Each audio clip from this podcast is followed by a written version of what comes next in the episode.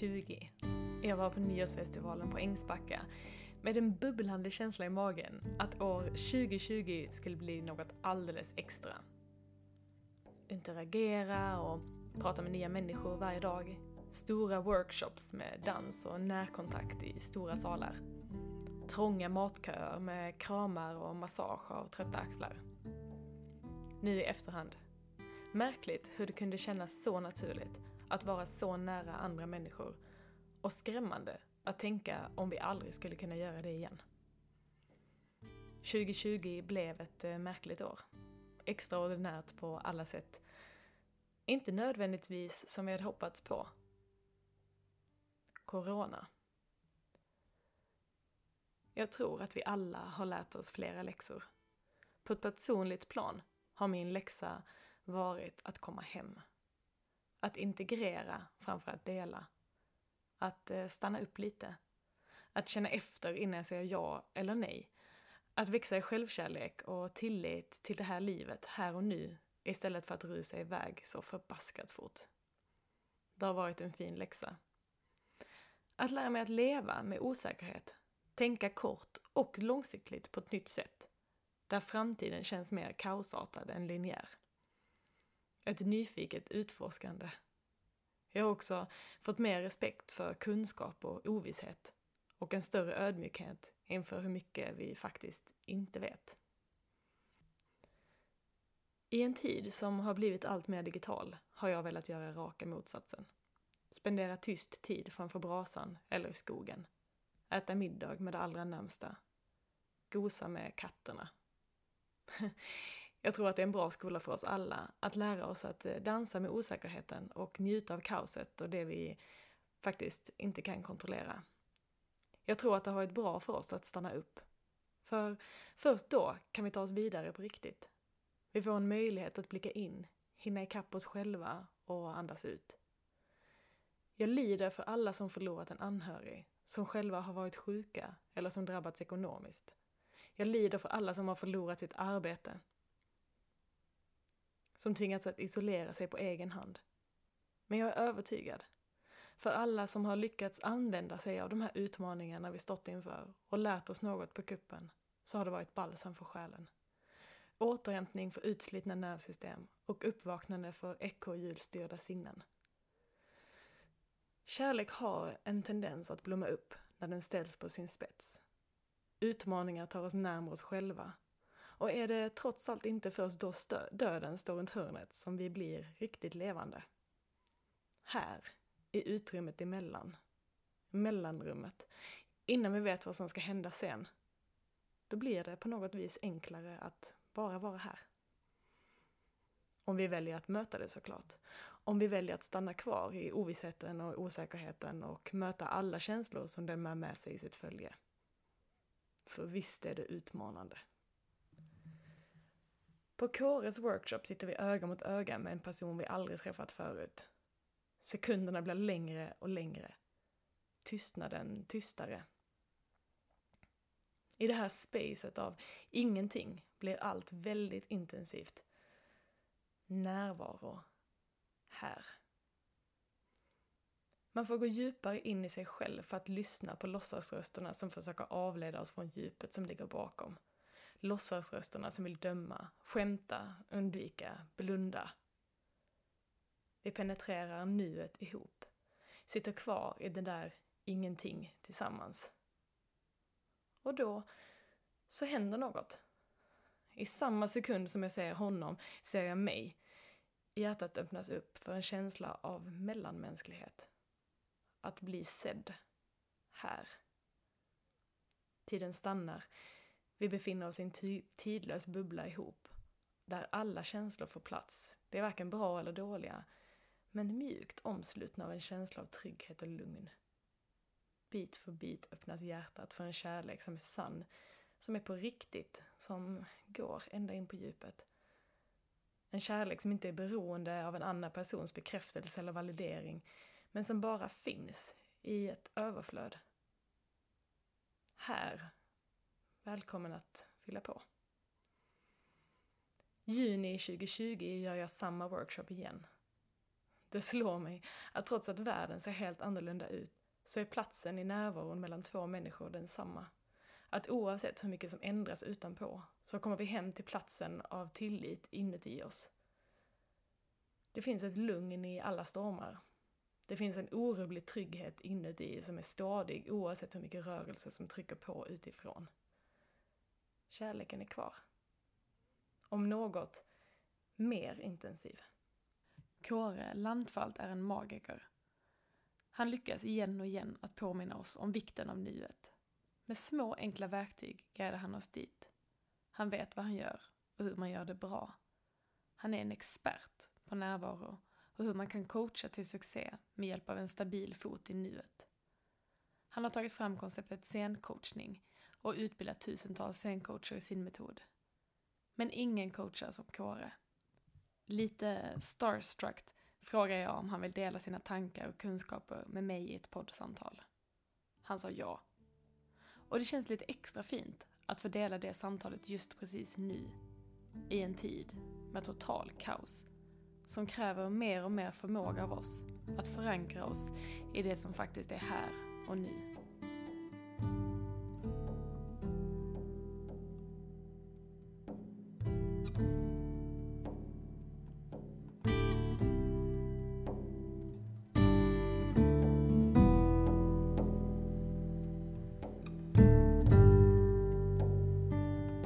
Börja med att berätta vad du åt till frukost i morse. Ja. Jag åt inget till frukost i morse. Och vad åt du till lunch? Det är en sån ljud ska det vara där. Tuk, tuk, tuk, tuk, tuk, tuk. Ja.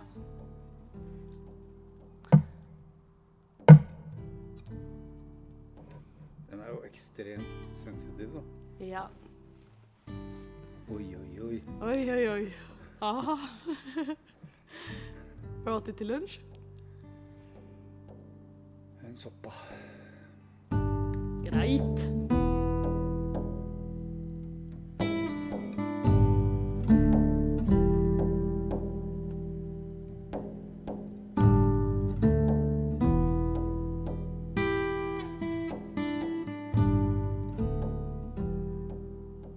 Ska vi dag långt andetag till vi sitter her på Engsbakka med deg, Kåre. Hei. Hei. hei. Et norskt hei. Det blir svorska i podden i dag. I dag blir det svorska. I dag blir det svorska. Jag är jättetacksam och det är jätteroligt att få sitta och spela in det här avsnittet med dig. Speciellt när vi är här, just nu.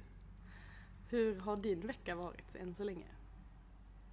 Alltså jeg har hatt en uh, intensiv periode. Først med en, uh, hvor jeg holdt kurs på en yogafestival i de norske fjell. Sen hadde jeg en femdagerskurs kurs här. Sen uh, var jeg på en online retreat som deltakere en vekke, og sen kom Nomine direkt. Så jeg kjenner meg nesten omtumlad men uh, inspirert. Nå er vi veldig i No Mind eh, expansionsfase kjennes det som. Det er Mm. nærvaro overalt. Så jeg er litt høy. Mm. Litt hög på nærvaro just nu. Mm. En intensiv sommer for en scenecoach. Bruker det være intensive festivalsomrar? Jag ska börja med å ställa samme fråga til deg som jeg ställer til alle andre. Um, Kåre, hva er det beste med å være du?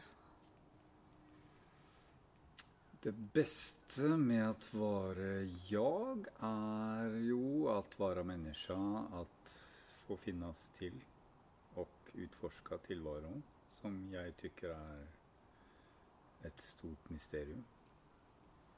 Så det beste er at jeg att jag finns och att jag har muligheten til å utforske tilværelsen, og at det er mitt jobb å gjøre så sammen med andre människor. Leva i nyfikenhet og utforskande. Og hvordan ble du du? Ja, jeg er ikke helt klar med det prosjektet med å bli jag, så det er en veldig bra spørsmål. jeg ser meg jo som en slags barn av universum, så man bør eh, Det er sånn Jeg ble jag av alt som har hendt eh, frem til nå. Eh, Alt i hopa. Alle mennesker, mine foreldre, universum, stjernene, jordklotet, eh, mysteriet. Alle mine opplevelser.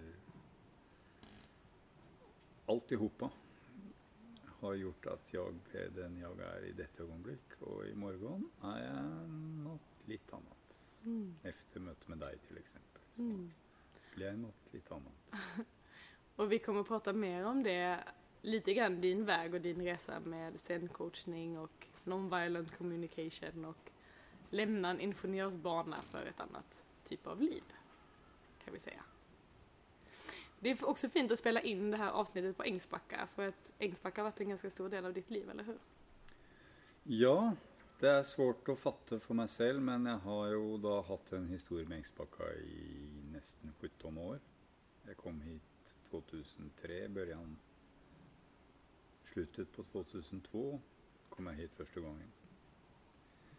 Og har bodd her, har jobbet her, har vært i management her, har vært eier her.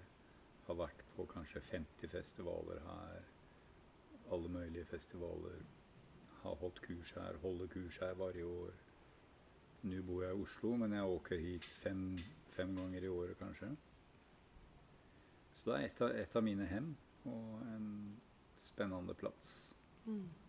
Hva har Engsbakka betytt for deg, og hva, hva har det gitt? Første gangen jeg kom til Engsbakka var på en nyårsfestival, og jeg ble stormforelsket, som vi sier i Norge. Jeg var eh, høy som et hus, sier vi også i Norge. Det er kanskje ikke et svensk uttrykk. Absolutt. Det er det. høy som et hus. Ja, jeg var eh, Jeg hadde jo praktisert meditasjon ganske mye da når jeg kom hit første gangen, men men det var noe her med Engsbakka som var veldig inspirert av Osho. At man inkluderer alle uttrykksformer inn i meditasjon. Dans, øh, kunst, inquiry, møten, open stage, sharing. At man tar inn kreativitet og tar inn flere sett å, å utforske seg selv på. Inntil en veldig eks, eksperimentell eh, måte å utforske meditasjon og selvutvikling på, som jeg ja, som opp, åpna mine øyne. Da, Mm. og som gjorde meg veldig inspirert til å eksperimentere mye. Mm. Vad, är, vad är meditation för dig?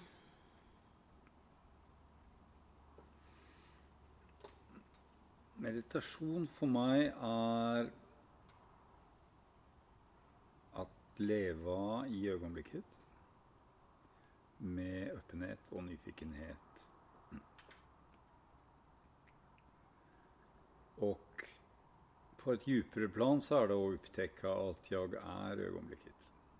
At det det er ikke jeg som er i øyeblikket, men det er jeg som er øyeblikket. Så det skiftet for meg, da blir det virkelig en meditasjon. Det er liksom Oi. Jeg er ikke denne kroppen. Jeg er ikke denne historien. Jeg er ikke norsk mann. Jeg er dette øyeblikket. Og da begynner det å bli en vibrasjon av uh, av mysteriet og eventyr.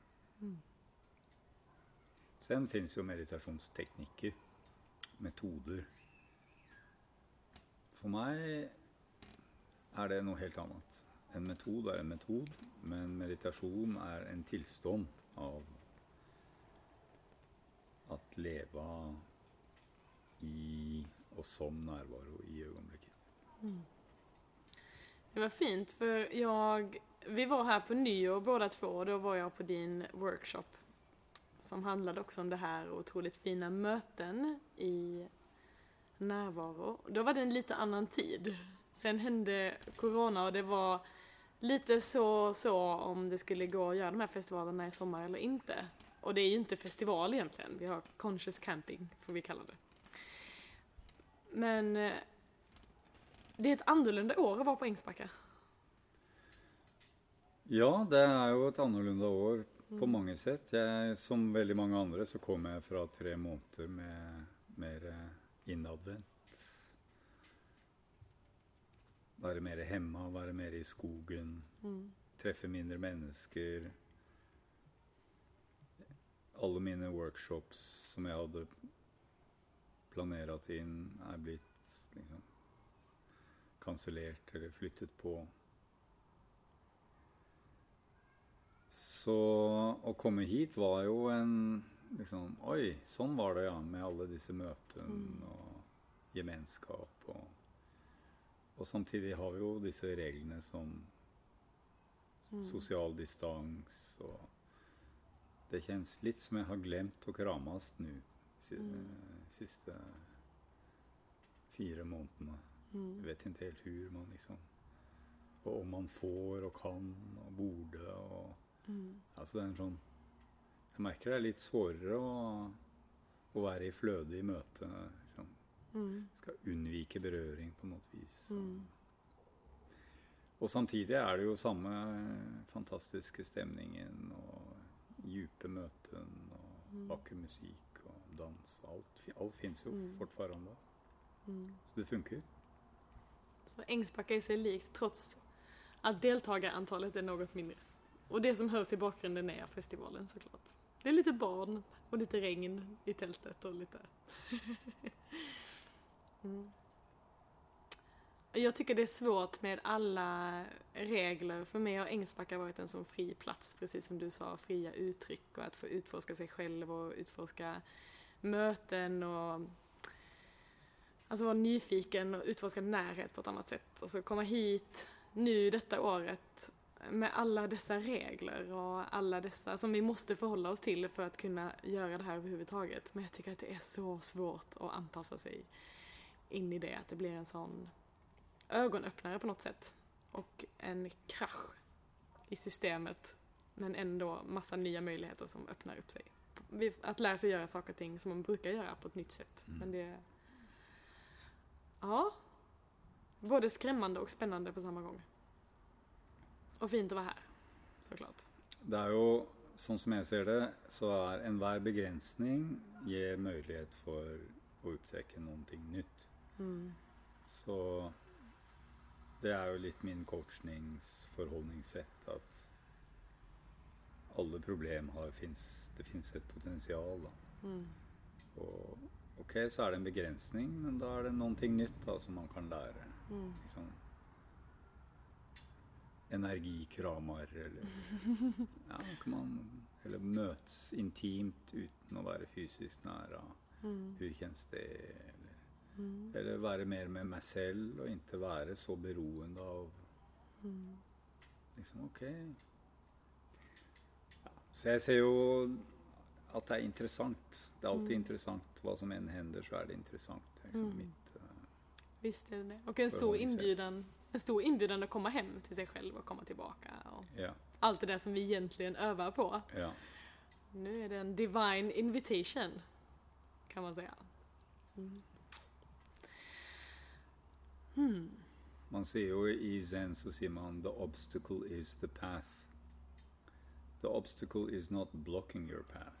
The obstacle is your path. Det er veldig lett for mindet å tro ja, men nå har vi noe som står i veien. Så må vi få det bort, og sen skal jeg leve fra hjertet. Men det, det er mindet, eller egots sett å tenke på. Och där vi sätter fällben för oss själva när vi ska fixa, fixa, fixa, fixa. Ja, skal vi bare fikse bort, fikse bort, fikse bort. Mens i virkelige fallet så er jo hjertet er jo det som inkluderer, ikke det som tar bort. Ok, vi inkluderer smertene, vi inkluderer utmaningen, vi inkluderer ensomheten, vi inkluderer redselen. Så det er jo veien. For du, Kåre, praktiserar zen-coachning och det är det som du också lär ut på dina utbildningar. Vad är det? Vad skiljer det mot vanlig coachning? Vad är zen? Ja, Vi er jo allerede inne på temaet. All coaching handler om å forløse potensial som fins redan der. Det handler om å se muligheter i alle situasjoner. Det handler om å, å føde frem saker som, som liksom venter på å fødes frem. Det handler om å stelle bra frågor og lyssna djupt. Så uansett hvilken coachutbildning man tar, så lærer man disse sakene. Lyssna i nærvaro, stelle bra frågor, få den andre personen til å hitte sine egne svar. Så det jeg gjør i min utbildning, er å fokusere ekstra mye på den biten som handler om nærvaro. Og enda mindre om å oppnå fremtidige mål. Ofte kan coaching bli Ok, men hur gjør jeg for å nå mitt mål på et bra sett? Hur gjør jeg for å lykkes med min business, eller Eller uh, forbedre min relasjon? Eller løse et helseproblem, eller Mens i Zen coaching så går vi til en plass i nuet som er bortenfor problemen, kan man si. Man kan si Vi går så djupt inn at alle problem forsvinner. Så det, det, det hender inget nødvendigvis direkte med omgivningen. Du har samme pengeproblem. Du er fortsatt arbeidsløs. Du har fortsatt en svårighet i din relasjon eller med din uh, mamma.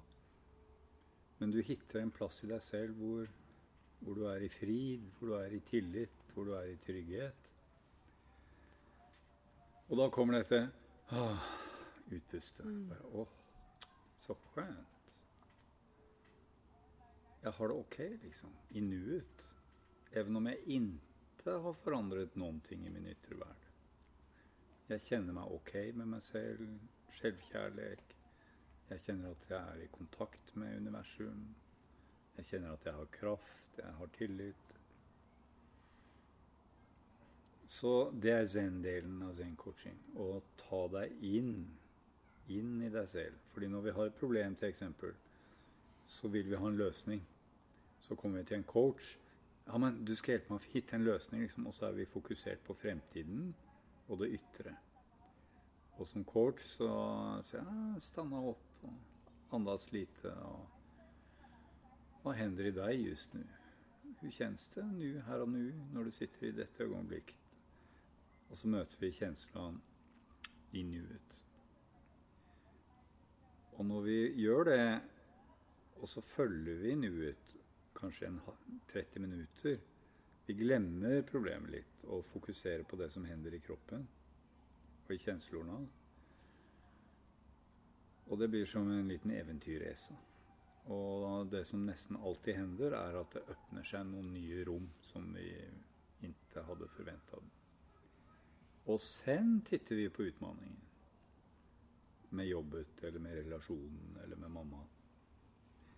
Og så ser vi plutselig hele situasjonen helt annerledes. Ja, men det var jo inget problem, liksom. Ja, men nå vet jeg hva jeg vil gjøre. Jeg vil jo gå til den personen og si takk. Eller ursäkta. Mm. Eller hva, hva, som helst. Så det, det krever av coachen at coachen er djupt forankret i sitt eget nærvaro. Så i min coachutbildning så jobber vi mye med meditasjon og nærvarotrening og egen healing. Det som står i veien for å være nærværende med en annen menneske, er våre, e våre egne kjensler som vi ikke har møtt, osv. Mm.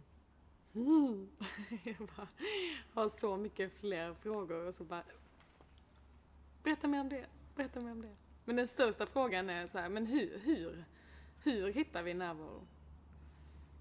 Jeg gillar jo å si at uh, hvis, hvis jeg sier til deg Forsøk å ikke være her og nå. Forsøk å ikke være her nå. Gjør så godt du kan. Så er det jättesvårt. Liksom det er svårt ikke være her og nå. Mm. Så man kan få inntrykk av at det er svårt å være her og nå. Ja, men man måtte trene og mindfulness og yoga og meditasjon og jobbe på saken liksom. For det er så svårt å være her og nå. Men i virkelige fallet så er du redan her og nå. Det er ikke svårt. Altså det går ikke å ikke være her og nå. Så det som er svårt er jo å levne her og nå. Det går ikke. Det går ikke å levne nuet. Så for meg er det det viktigaste. Det er ikke bare å trene, det er å få en innsikt. Så jeg jobber mye med forståelse og innsikt, ikke bare med praksis. Mm. Fordi om du praktiserer, men du ikke har forståelse, så kan du praktisere hvor lenge som helst, men det åpner seg ikke. Så forståelsen ja men shit, Jeg er jo redan her. Det er jo ingen plass å gå. Og det behøver ikke kjennes på et bestemt sätt. För det fins en idé om at om jeg er nærværende, så skal det kjennes bra.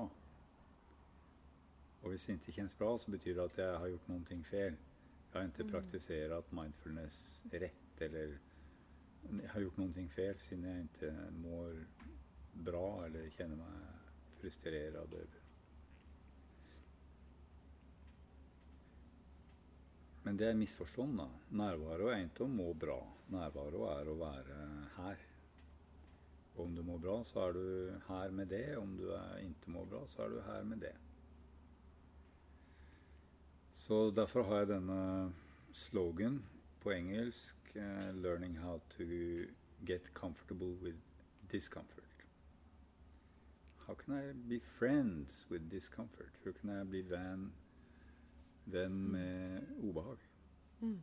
Det måtte ikke kjennes på et bestemt sett. At være närvarande betyder å låte det som fins her, få være her. Mm.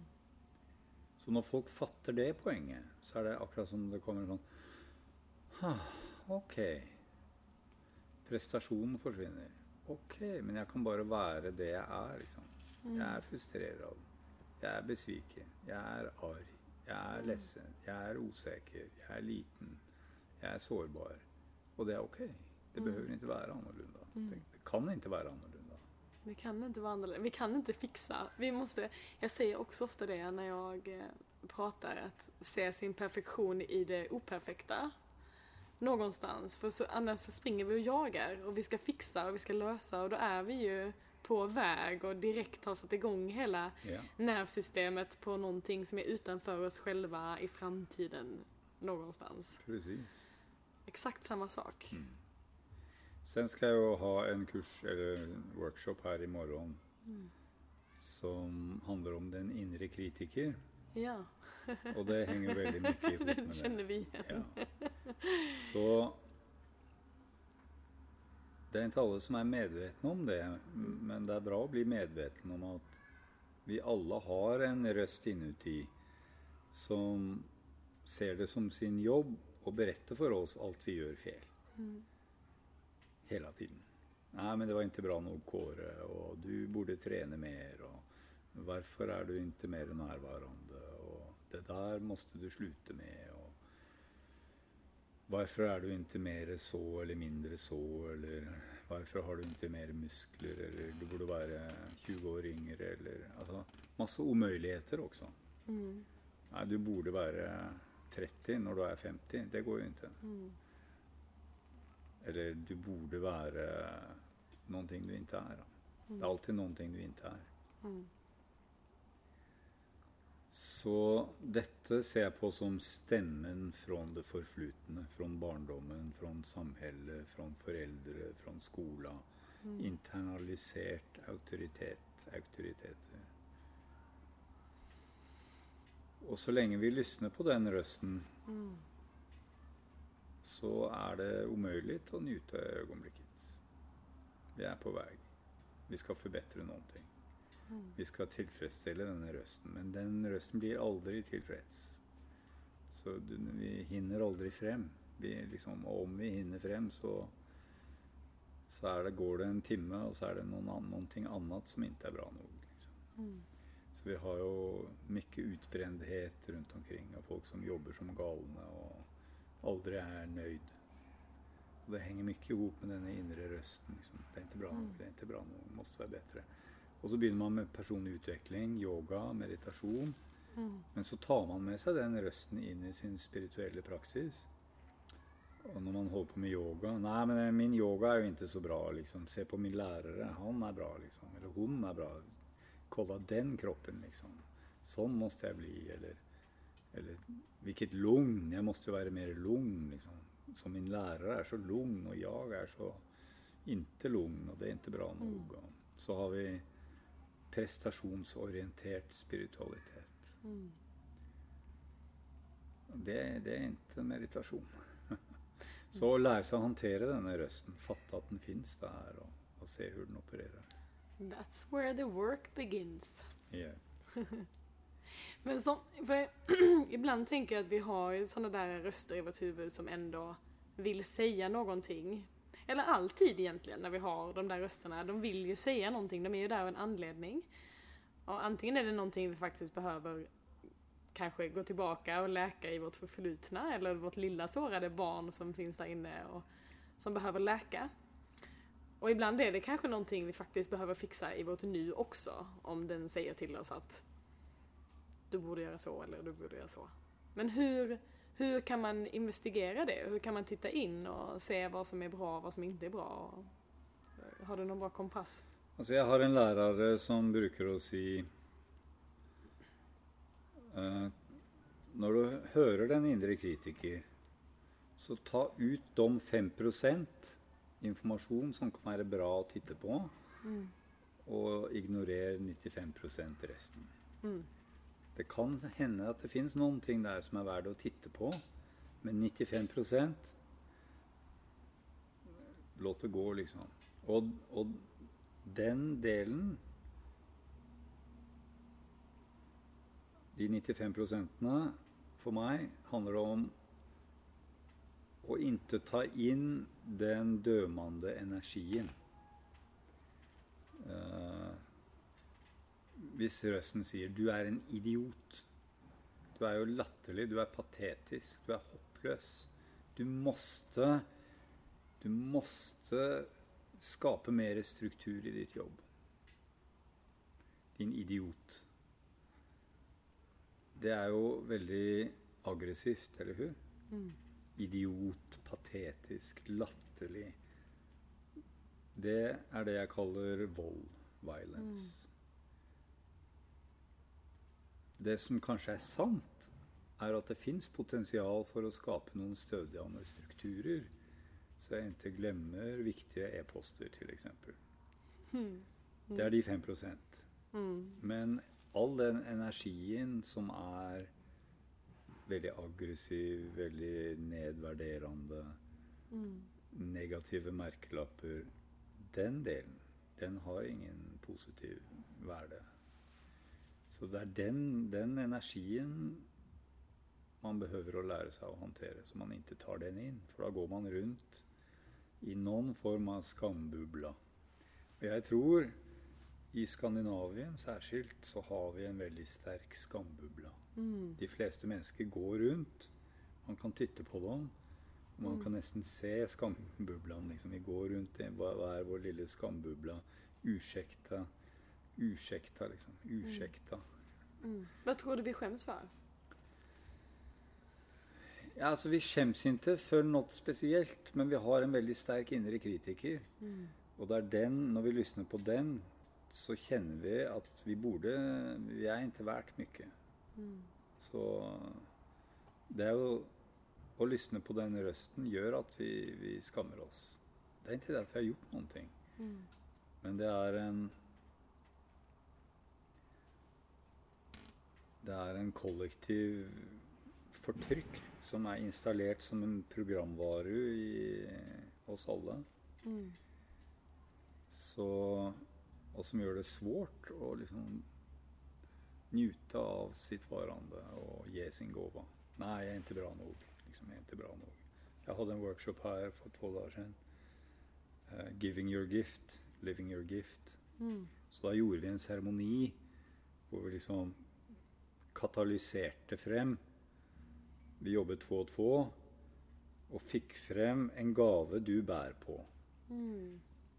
Og den andre personen firade den og liksom Wow, hvilken gåva! Du har en gåva å gi til verden. Og fantastisk. Mm. For å få en motkraft til denne Nei, du er ikke, du er ikke redo. Du måste gå på mer utbildninger. Og du er jo ikke perfekt, så hvordan kan du liksom Din gåva er ikke så viktig, og bla, bla, bla. Mm. Så jeg har ganske mye person også som coach da, og stødige folk. Ja, men gi din gåva nå, liksom. Mm. Ikke lysne på den røsten. Mm. En kompis eh, kaller det sopsekken. jeg tycker det er noe av det som gjør mest vondt i meg å se mennesker som lider, absolut, men också personer som bär på en gåva och det är så tydligt för omvärlden att det finns så mycket gåvor där, men de får inte de ger sig själva inte tillåtelse att leva ut dem Mm. eller att ta den platsen som man förtjänar i att leva ut sin fulle fulla potential. Precis. Och den sorgen att det är så... Det förekommer i så hög utsträckning i det samhället vi lever i. Att vi Ja. håller tillbaka för att vi tror att vi ska leva upp till så mycket och vi lever i de här ramarna och boxarna och idéerna om hur vi skulle kunna vara. Istället för att vi släpper oss själva fria. Jag tror att det är Precis. därför jag älskar att vara på Ängsbacka. Ja. För att det är många... Det, fin- det finns en, en längtan efter att få lov att göra sig själv fri här. Precis. Och få hitta sin egen potential och leva ut den. Precis. Och det är så befriande. Det är så...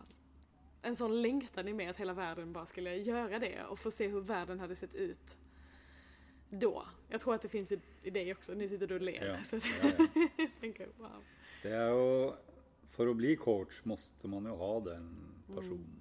Mm. Og elske å se folk ekspandere og gi det de har å gi.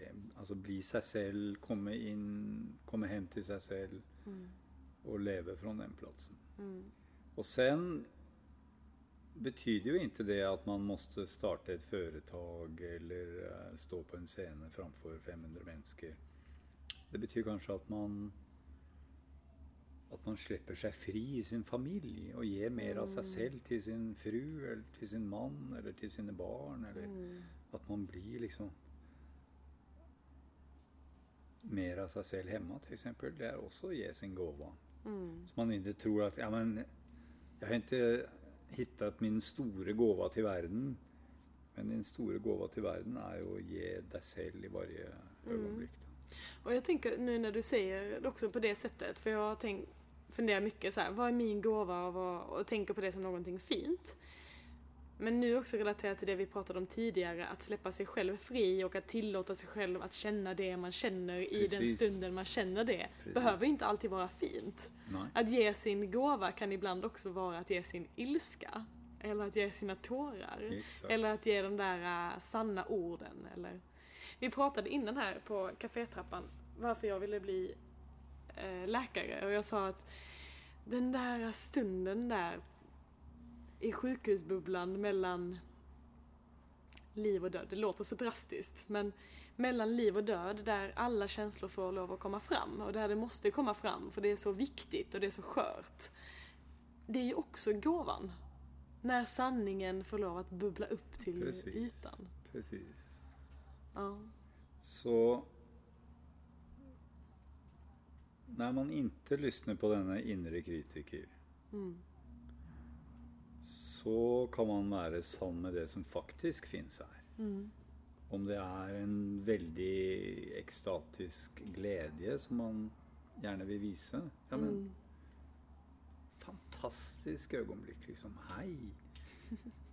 Eller om man kjenner seg liten og redd, og viser det, så er jo det gåvaen. Gåvaen er jo å være autentisk, å være seg selv, å være sann.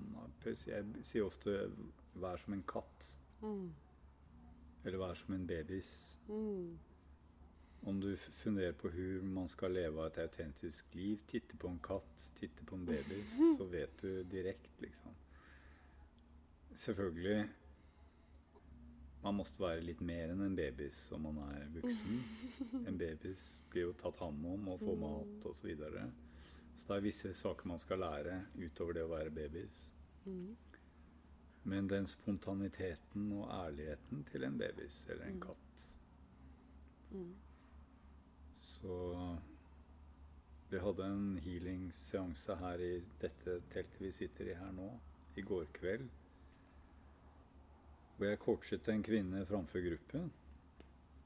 Og hun hadde en, ja, en blokkering i sin kropp, da. Og så tittet vi på den, og så kom det masse tårer. Masse tårer. Og det var veldig befriende. Og efter oss så var hun bare i stor frid. Mm. Så det var en hel reise fra blokkering til tårer til frid og styrke og kjærlighet. Mm.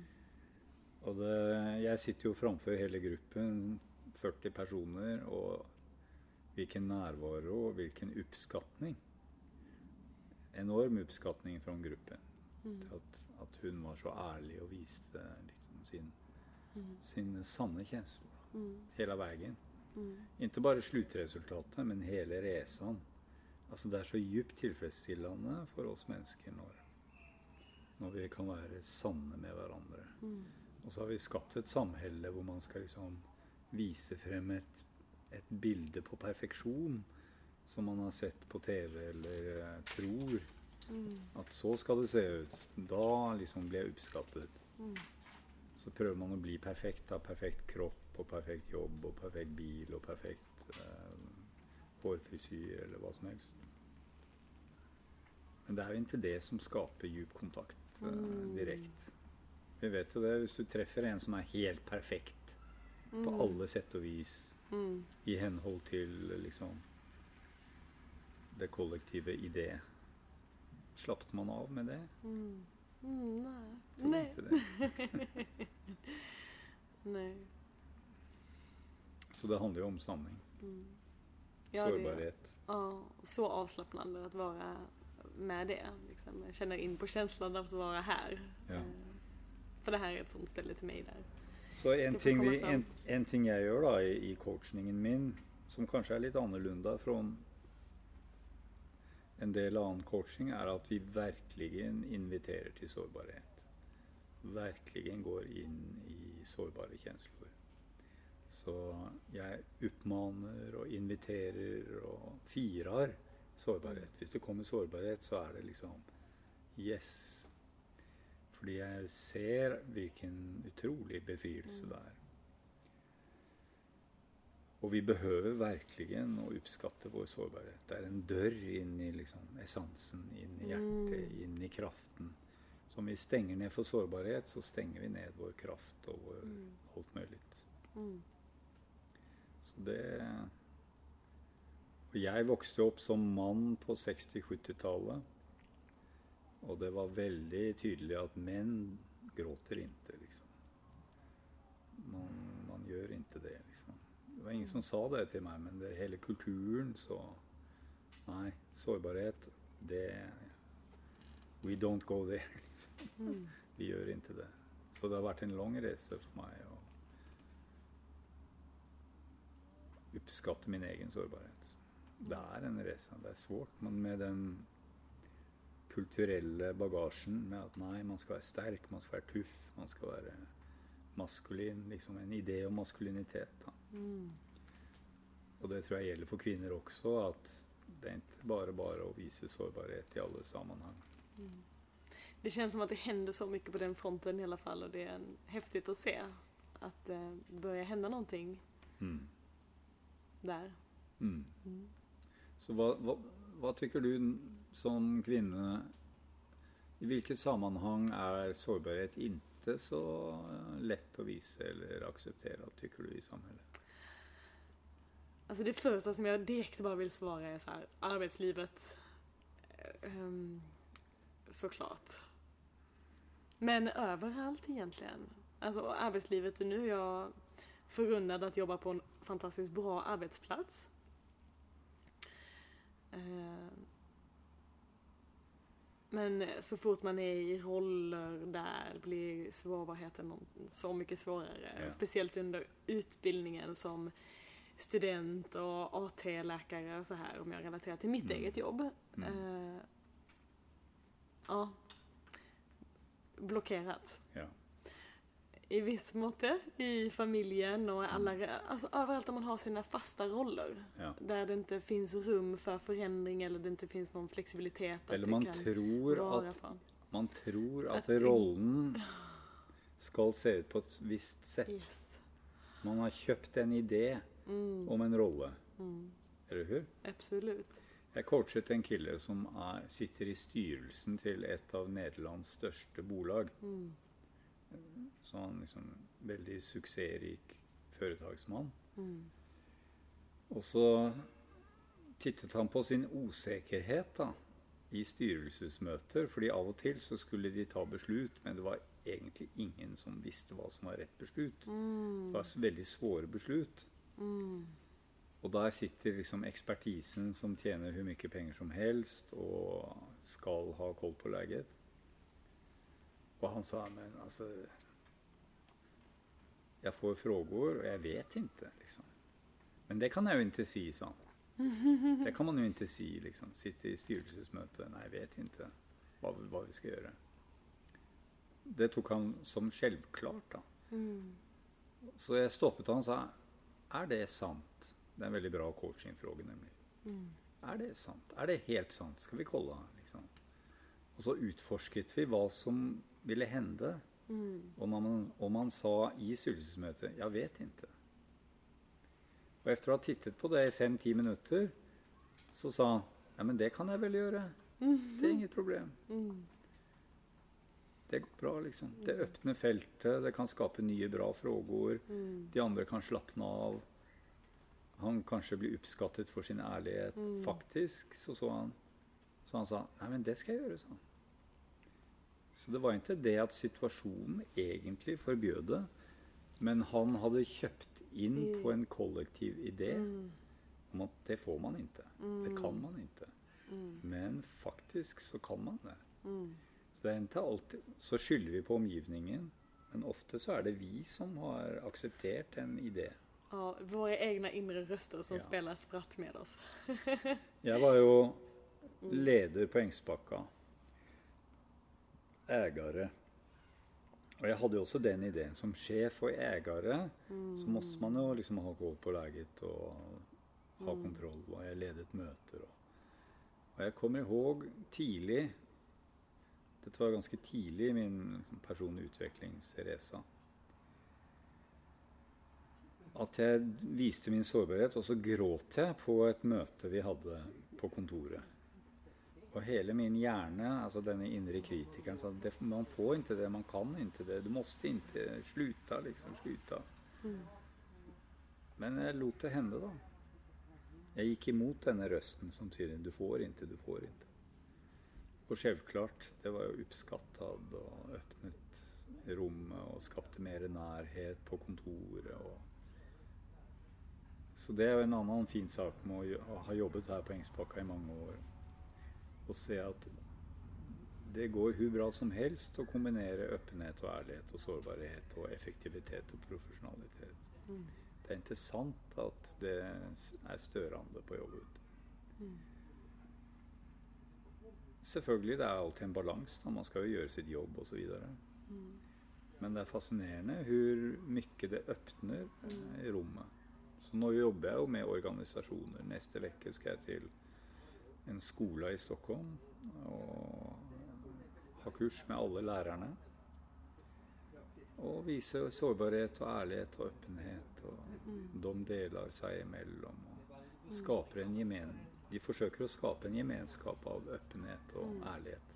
Mm. Så det er veldig fint. Det er viktig å gi plass åt følelsene utan å fastne i dem Precis. på noe sätt. At låte dem passere og være der og finnes der. Og få finnes. Men utan att gå in i historier och stories och projektioner och utan Precis. att bli för emotional och affekt, låta effekterna ta över på något sätt. Så Ja. gå in i... Ja. Eh, då skapas någonting fint. Vi pratade förut om, om lite grann om ord också, kommunikation. Den inre kritikern tenderar att vara så hård mot oss och det tar ju massa energi. Och jag vet att språket är viktigt, en viktig del av scencoachningen också. Vad är det för språk som används?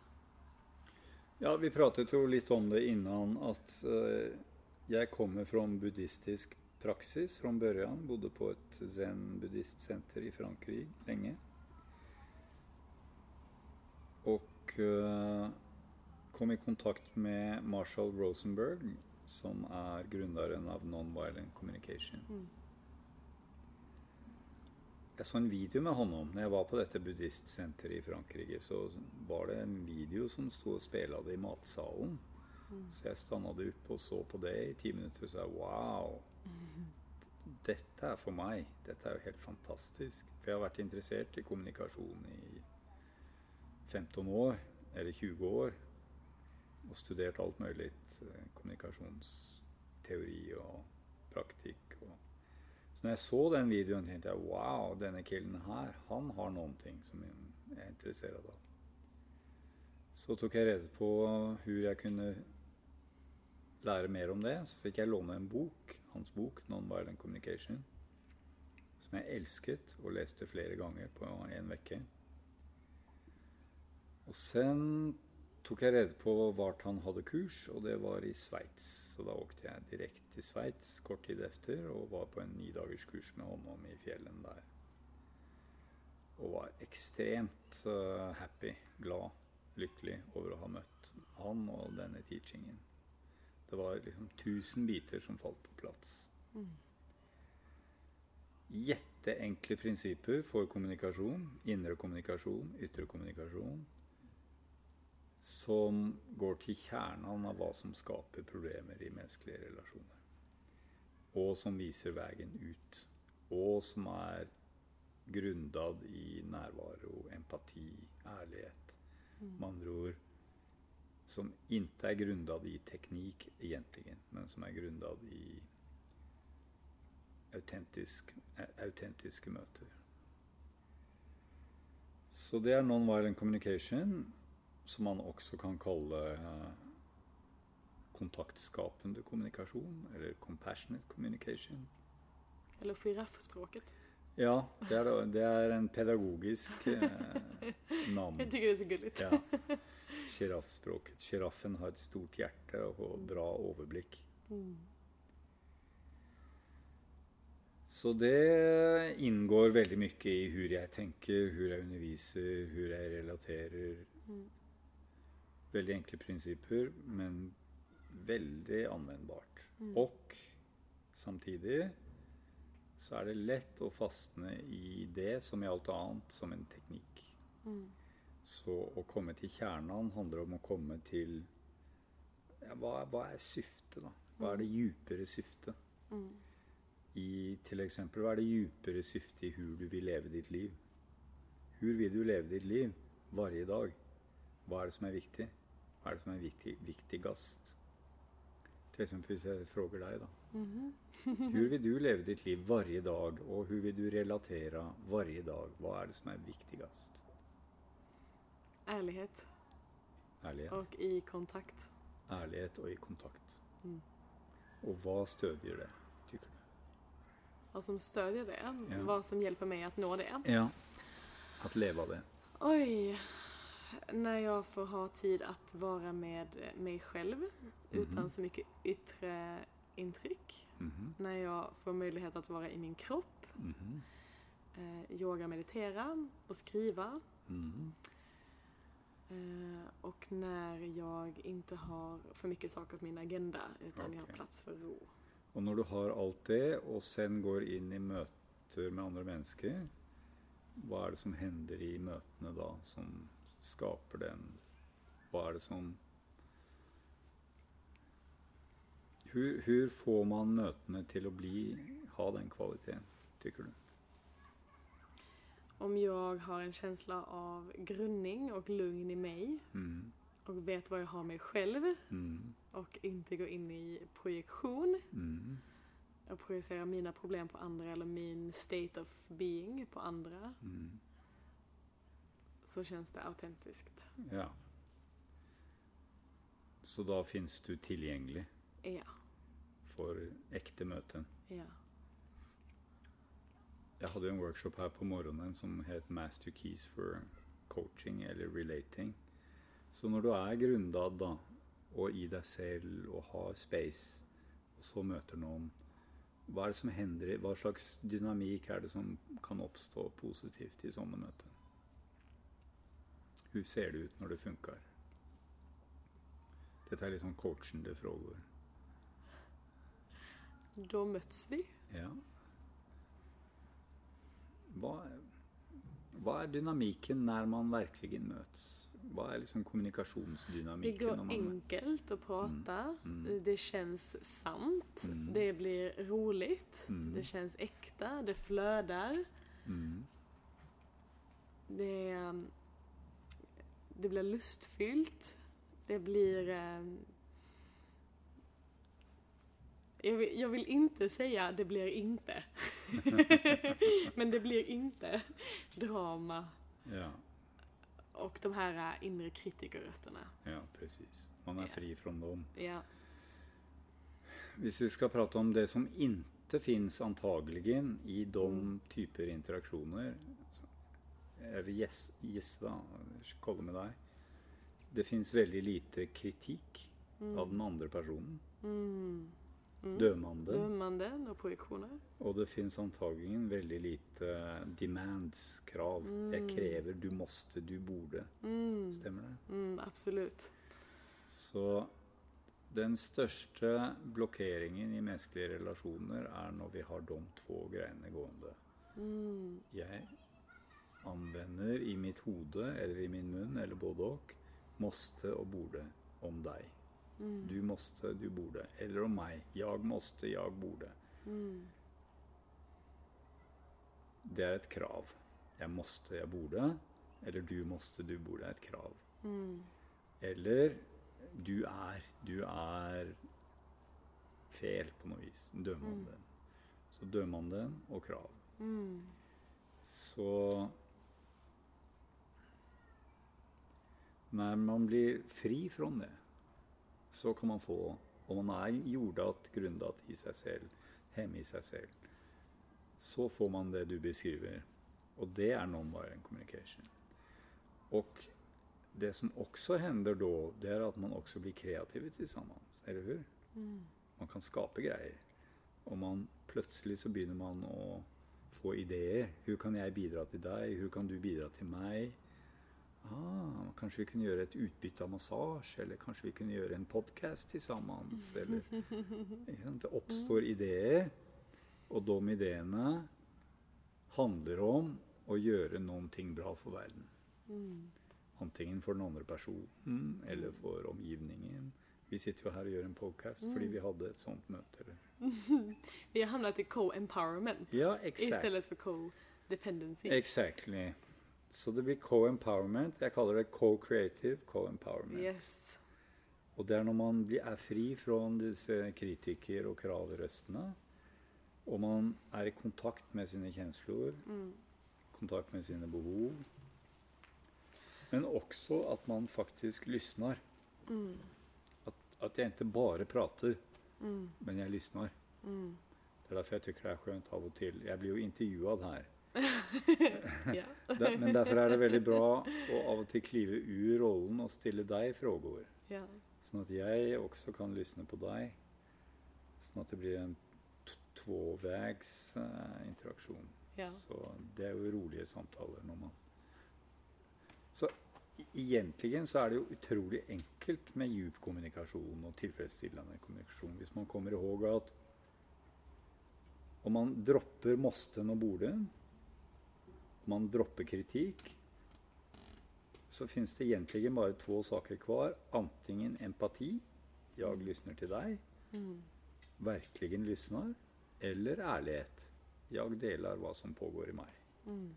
Det fins egentlig bare de to sakene hver. Mm. Og så dansen mellom dem. Mm. Nå lysner du til meg, jeg deler min virkelighet. Mm. Og det kan være en kreativ idé, eller det kan være en smerte, eller et firande. Og så lysner du. Og så stanner jeg. Og så kjenner jeg inn hvor det er hos deg. Hva hender i deg just nå? Mm. Og så svarer jeg jo an. Ja. Sen, det er jo dans da. Så det, er jo tango. Exakt. Wow.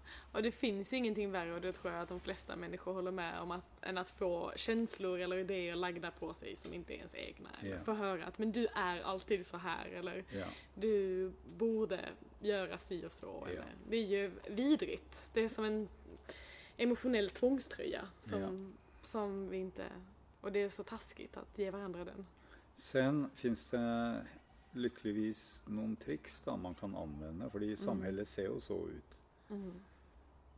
Hvor man kan bli fri fra det even om andre mennesker anvender det mot Mm. en. At man behøver ikke ta inn den type kommunikasjon. Man kan transformere i øyeblikket. Mm. Så det er også non-violent communication. Mm. Om du kommuniserer med meg med krav og kritikk, at jeg kan ta den energien, transformere den og skikke den tilbake Mm.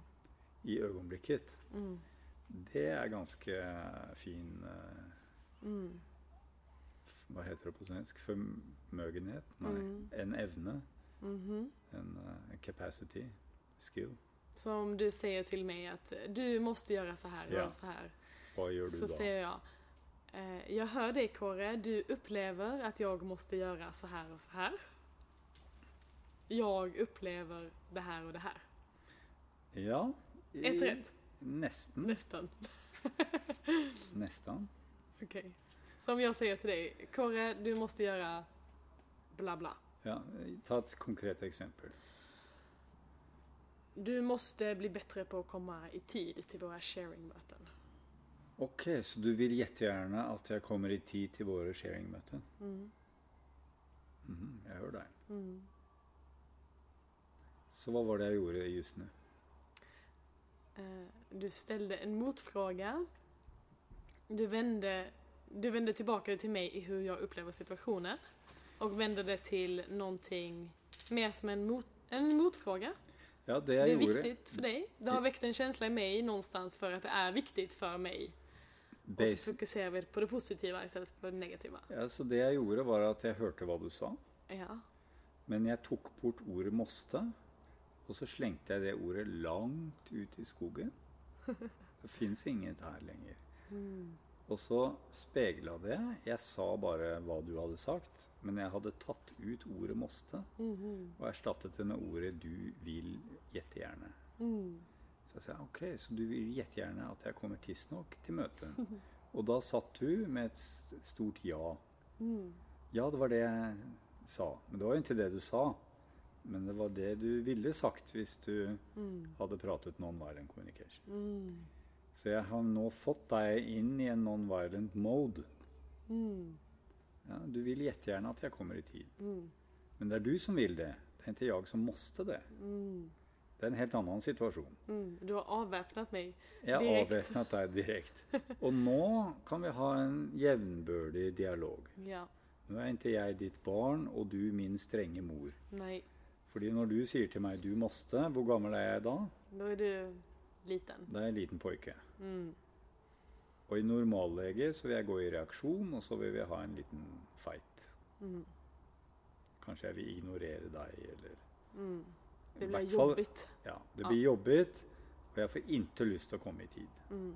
jeg vekker känslor som er triggade fra din barndom. Ja. Eller så fra din sårade Ja, barndom. Så vil jeg kanskje ikke, har jeg ikke lyst til å prate noe mer med deg. Så jeg undviker deg resten av Mm. festivalen. Liksom. Ja. Nei, du er jo ingen trevlig. Det skulle vært tråkigt. Så det er mye en förmögenhet altså, man kan utvikle, Mm. at avväpna Mm. og samtidig lyssna. Mm. Du kjenner deg hørt, og jeg kjenner meg fri. Mm. Kan jeg fortsette? Kan jeg si du, det er et mønster jeg har hatt hele mitt liv. Altså, det noen ting med å følge tiden som er utrolig svårt for meg. Mm. Jeg forsøker verkligen men altså, jeg vet ikke. men det er bare utrolig svårt. Mm. Jeg vil jättegärna komme tidsnok til våre møter. Så jeg skal, jeg skal, jeg skal gjøre mitt beste. Mm. Men jeg kan ikke love mer. OK? Mm. Mm. Okej. Jag sitter och vrider så här, för det bubblar upp i mig hur läkar-patientrelationen och hur, hur många gånger på en dag jag kanske inte direkt uttalar orden måste, men i den handling jag gör när jag ger ett råd eller en ordination eller vad det nu är vi gör. Att det lätt blir ett måste. Du yeah. måste göra det här. Eller när man yeah. pratar om healing överhuvudtaget. Att yeah. du måste eh, göra detta. Och jag sitter och bara tänker på hur kan man göra det här på ett annat sätt och jag måste, jag måste, Ja. jag vill se över Och det är ju vilket lösningen. språk man använder. Å byta ordet 'måste' med välja eller 'vil'. Mm. Så hvis du er min pasient, Mm. og du hadde mått bra av denne La oss si ete litt mindre noen ting. Mm. Eh, sokker, kanskje. Mm. Du har en sjukdom. Sokker er ikke bra for den sykdommen. Mm. Så sier jeg du måtte ete mindre sokker, kan jeg si. Mm. Eller jeg kan si Om du velger å ete mindre sokker, så er det stor sjanse for at, at denne smerten kan försvinna. Mycket trevligare. Och det är ditt val. Det är mitt val, precis. För då kan jag också som terapeut eller läkare ställa mig utanför. Ja. Vad du väljer. Även om jag blir ledsen av att mina råd inte blir uppfyllda. Men Ja. framförallt blir jag ledsen av att se personen framför mig lida eller Ja. ta skada. Ja. Men jag måste göra så här. Ingen ser, men du ser. Kaninöron. Jag måste ställa mig utanför det också för att inte ta det. På mig. Jag Ja. väljer att ställa mig utanför det. Ja, precis. Mm. Fint. Jag tänker att vi ska börja runda av. Mm. Eh, och det jag tycker att det är så fint att koka ihop det vi har gjort i en liten grundande övning eller ett aha moment eller någonting. Jag tänker lämna över till dig som ska få dela Mm. de sista minuterna. Eh, ja. Da er mitt uh, forslag som en liten øvning at eh, du som lysner på det her, at du bare slappner av et øyeblikk og slipper alt annet som du har her nå. Tar et andetak. Den øvningen tar bare noen par minutter. Men slipp alt annet et øyeblikk, kanskje blunda et sekund der. Og så tenk på noen ting som er lite jobbigt. Inntil det mest jobbiga som fins, men noen ting lite jobbigt. Og sen legg merke til hva som hender i din kropp når du tenker på det. Og det som hender, antageligen, er noen form av kontraktion. Det som er jobbig, opplever vi som en kontraksjon i kroppen. Og sen vil vi bli av med den kontraksjonen mannvis, på noe vis, med å gjøre noen ting. Så nå vil jeg gjerne invitere deg til å gjøre det motsatsen til det. I stedet for å prøve å bli av med det obehaget, inviter det obehaget inn. Inkludere, acceptera, si hei til obehaget og si du får også finnes. Jeg finnes her. Omfamna det obehaget. Gi det litt kjærlighet, litt varme, litt aksept. Inkludera. Si hei. Vennlig hei. Hei. Det er kontraintuitivt. Men legg merke til att obehaget normalt oppskatter den positive oppmerksomheten. Og om det er jettesvårt å si hei og være vennlig og inkludere obehaget, hvis det finnes motstand mot å inkludere obehaget, så inkluder motstandet i stedet. Se om du kan si ja til ditt nei. Nei. Ok, inkludere ditt motstand heller. Nej, jag kan inte acceptera just nu. Okej, acceptera att vi inte kan acceptera. Och andas lite. Bara märk vad som händer i din kropp. Andas, slappna av. Vad händer i kroppen? Vilka energier finns där nu? Och sen titta på utmaningen på nytt från denna platsen. Är det litt annorlunda? å se situasjonen nå. Hvilke muligheter ser du? for å håndtere dette på et bra sett?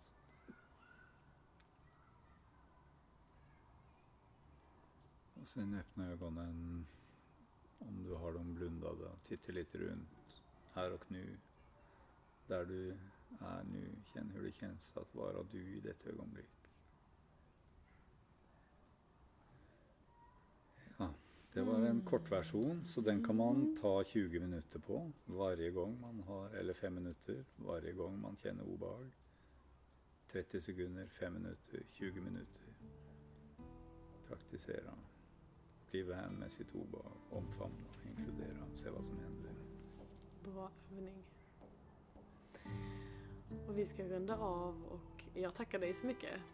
Du har en kurs i eh, Ja, precis. Januari vill- om man vill dyka djupare i detta. Ja, här. jag vill gärna nämna det att jag har ju en utbildning i Sverige varje år och den börjar med en öppen femdagars kurs som är på Ängsbacka Havier nu Mm. rätt efter nyår. Så det är en möjlighet till att gå djupt in i Mm. dessa processerna. Och jag har också mycket online eh, som det går å kolla opp. Mm. Du finns lite överallt og vel verdt å kika inn på. Mycket bra. Hva skal du gjøre i eftermiddag, Kåre? Skal du på noen workshop? Jeg er litt usikker. Jeg har en workshop i kveld som heter The Power of Intention. Så, men i eftermiddag vet jeg ikke. Ljus i dig. Jeg skal få massage. Oj, oj, oj. Tack för. Tack så jättemycket.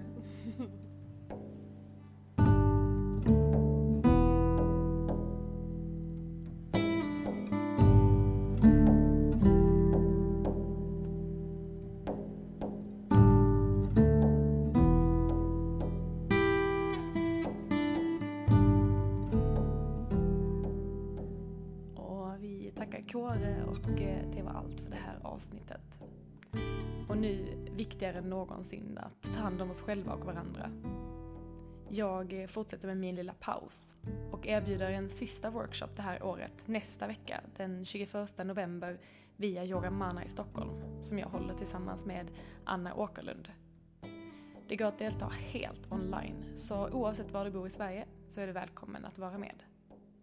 Sen blir det vinter, mys och tända ljus i vintermörkret.